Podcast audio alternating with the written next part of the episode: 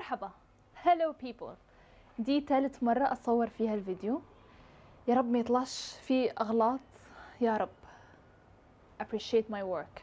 بما إنه شهر أكتوبر خلص قررت إنه أكلمكم عن الكتب اللي قرأتها في شهر أكتوبر اللي هم عددهم أربعة طبعا. من هنا لحد آخر السنة هتكون الكتب قليلة لأنه you know الجامعة بتدمر كل شيء في حياتي. خلينا نبدأ. أول كتاب قرأته كان أم ضد الدكتاتورية لهبة دي بونافيني وماتيلد سانشيز. الكتاب ده بيحكي سيرة هبة دي بونافيني فتاة أرجنتينية اتولدت في بيت عادي وتربت تربية عادية واتجوزت جواز عادية. حياتها كانت ماشية عادية وسعيدة ومظبوطة زي ما هي بتحكي وده كان بيخليها طول الوقت حاسة إن هي هتقابل كارثة في في المستقبل. وفعلا الكارثة دي حصلت إنه البوليس الأرجنتيني الدكتاتوري قام باعتقال ولديها الاثنين ومرات ابنها الأكبر. الفترة دي من حكم الأرجنتين كان مشهور فعلا باعتقال كمية كبيرة جدا من الشباب بسبب آرائهم السياسية وبسبب نضالاتهم خاصة أن الفترة دي معروفة أنه كانت الدكتاتورية منتشرة في كل بلاد العالم مش بس في الأرجنتين. تحكي عن معاناتها كأم وإزاي حياتها اتغيرت من ربة منزل عادية أهم حاجة عندها إنها تطبخ وتغسل وتنيم وتصحي إلى شخص مناضل بينزل الساحات بيدافع بيعمل بوسترز بيروح يكلم شخصيات مهمة بيطلع مؤتمرات وبيحصل على جوائز للسلام من البرلمان الأوروبي. القصة دي مش بس سيرة ذاتية شخصية لهبة دي بونافيني هي بتحكي كمان عن كل الأمهات اللي عاشوا معاها في الفترة دي. أكتر شيء بائس بائس في, في السيرة الذاتية دي أو أنا بسميها رواية إنه الأولاد لحد دلوقتي ما رجعوش لحد هذا الوقت وإلى الآن بتخرج آه، مظاهرات في الأرجنتين بتطالب الحكومات إنهم على الأقل بس يعرفوا معلومات عن آه، الشخصيات المخطوفة. يعني ماتوا فين طيب ماتوا إزاي أو حتى مدفونين فين. بصراحة أنا كنت مترددة إني أقرأ الرواية أو السيرة الذاتية لأني كنت حاسة إنها ممكن تكون عبارة بس عن أحداث سياسية شخصية. صح أنا بحب أقرأ في السياسة لكن ما بحبش أقرأ في السياسة لما تكون من وجهة نظر شخصية بشكل أكاديمي. لكن ماتيلد سانشيز اللي هي ساعدت هبة دي بونافيني في سيرتها الذاتية قدرت فعلا تكتب الكتاب بشكل رائع بشكل أمومي بشكل روائي. أنا بقيم الرواية الكويسة اللي هي بيكون فيها عبارات مختصرة أو حتى لو طويلة لكن معبرة وليها معنى والكلمات منتقاة المفروض إنه الكتاب اتكتب باللغة الأرجنتينية وبعدين اترجم بالإنجليزي بعدين اترجم بالعربي.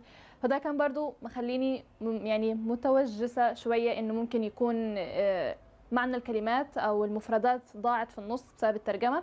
لكن أنا ما حسيتش ده بالعكس بدأت أتعلق في الكتاب أول ما ظهرت الأحداث التاريخية. آه، السياسية دي بدأت أتعلق في الكتاب ولما خلص حسيت كتير بالمأساة وحسيت كتير بمأساة كأم وكإنسانة ممكن يختفي من حياتي شخص كده معرفش عنه أي حاجة. ما عنديش أي نقاط سلبية في الكتاب خالص بالعكس يعني يا ريت أقدر ألاقي كتب شبهه كده اللي هو كأنها رواية في نفس الوقت سيرة ذاتية في نفس الوقت عن دولة أنا ما بقرأش عنها كتير أو مش مشهورة زي الأرجنتين. تقييمي ليه كان أربعة من خمسة. تاني كتاب قرأته كان في قلب أنثى عبرية للكاتبة دكتورة خولة حمد. الرواية دي كمان مستوحاة من أحداث حقيقية وده اللي خلى رقم واحد الرواية دي بالنسبة لي كانت مشوقة لأنه اللي حصل الأكشن الفظيع اللي حصل ده كان حقيقي.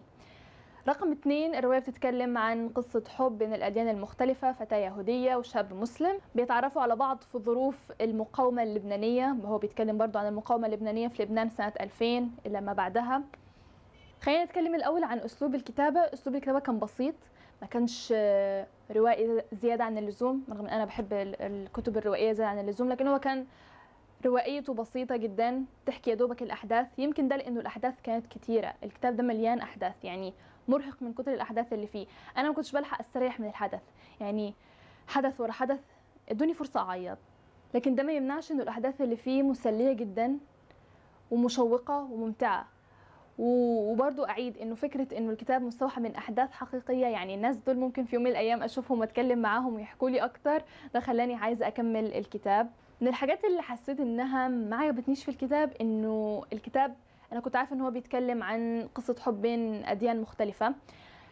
ما حبيتش فكرة إن الدكتورة خولة حمدي في كل المشاهد وفي كل الحوار والسيناريو بتحاول بس تقنع ال- ال- اللي بيقرأ و- وبتحاول تخلي الشخصيات في الرواية بتاعتها حياتهم كلها تتمحور, حوالين الإسلام.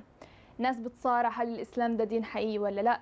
ناس بتدافع عن إنه الإسلام ده هو الدين الحقيقي اللي لازم يؤمن به كل البشرية. حتى العلاقة ما بين ريما الطفلة والشخص اللي رباها خلتها كمان علاقة بس تتمحور حوالين الدين وإزاي بيتقبلوا بعض بأديانهم المختلفة.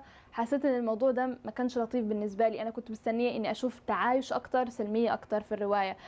لما اتناقشت في النقطة دي مع واحدة من أصحابي قالت لي يمكن عشان خاطر آه، دي رواية حقيقية هي بتحكي الأحداث الحقيقية ممكن تكون فعلا دي الأحداث الحقيقية وده, كان أسلوب الحوار طول الوقت. يعني حتى بين أحمد وندى اللي هم المفروض إن هم مخطوبين كانت كل الكلام بيتمحور حوالين بس أنا بحاول أنا كأحمد المجاهد المقتنع بالدين الإسلامي بحاول أقنعك أنت ندى اليهودية إنه دينك غلط ومحرف ومش هينفع تكون يهودية. تالت نقطة كمان حسيت إنها غريبة شوية إنه الكتاب اسمه في قلب أنثى عبرية. فلما تقرأ ال- العنوان تحس إنه اللي بيحكي رجل يعني في قلب أنثى عبرية اللي بيحكي رجل. لكن البطلة هي ندى هي الأنثى.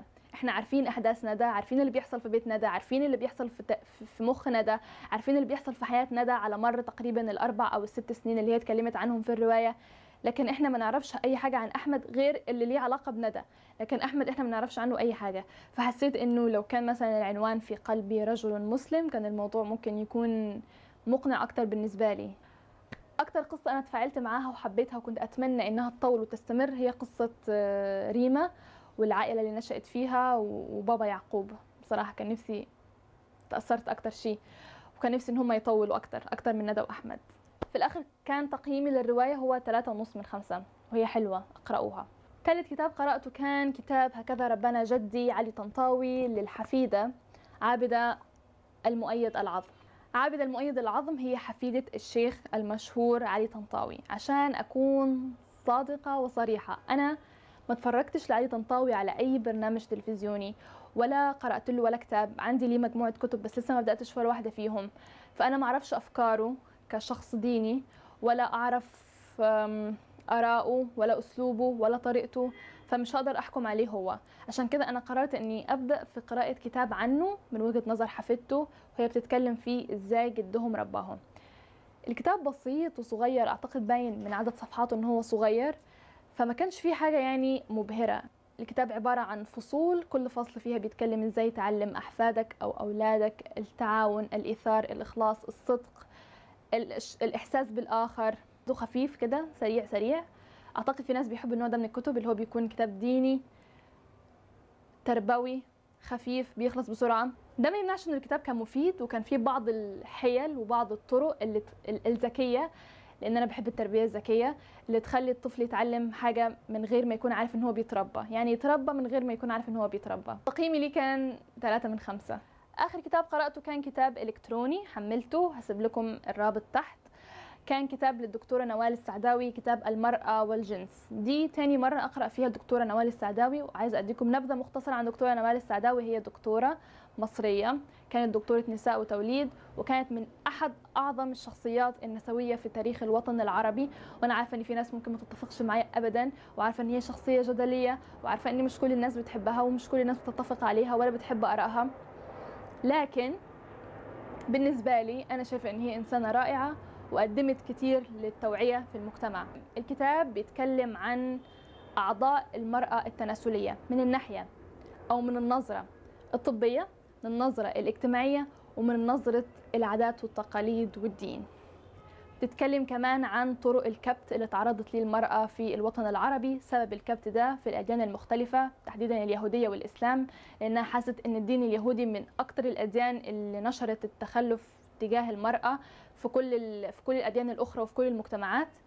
كمان ناقشت الموضوع من الناحية الطبية خاصة إنها كانت بتحكي طول الوقت عن حالات في عيادتها هي.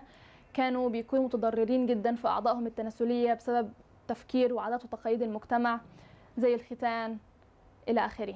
اتكلمت كمان من الناحية الفلسفية والاجتماعية عن الفرق في تربية الذكر وتربية الأنثى في الوطن العربي وإزاي ده بيأثر عليهم لما بيكبروا إزاي بيأثر على جسمهم ووظائف جسمهم.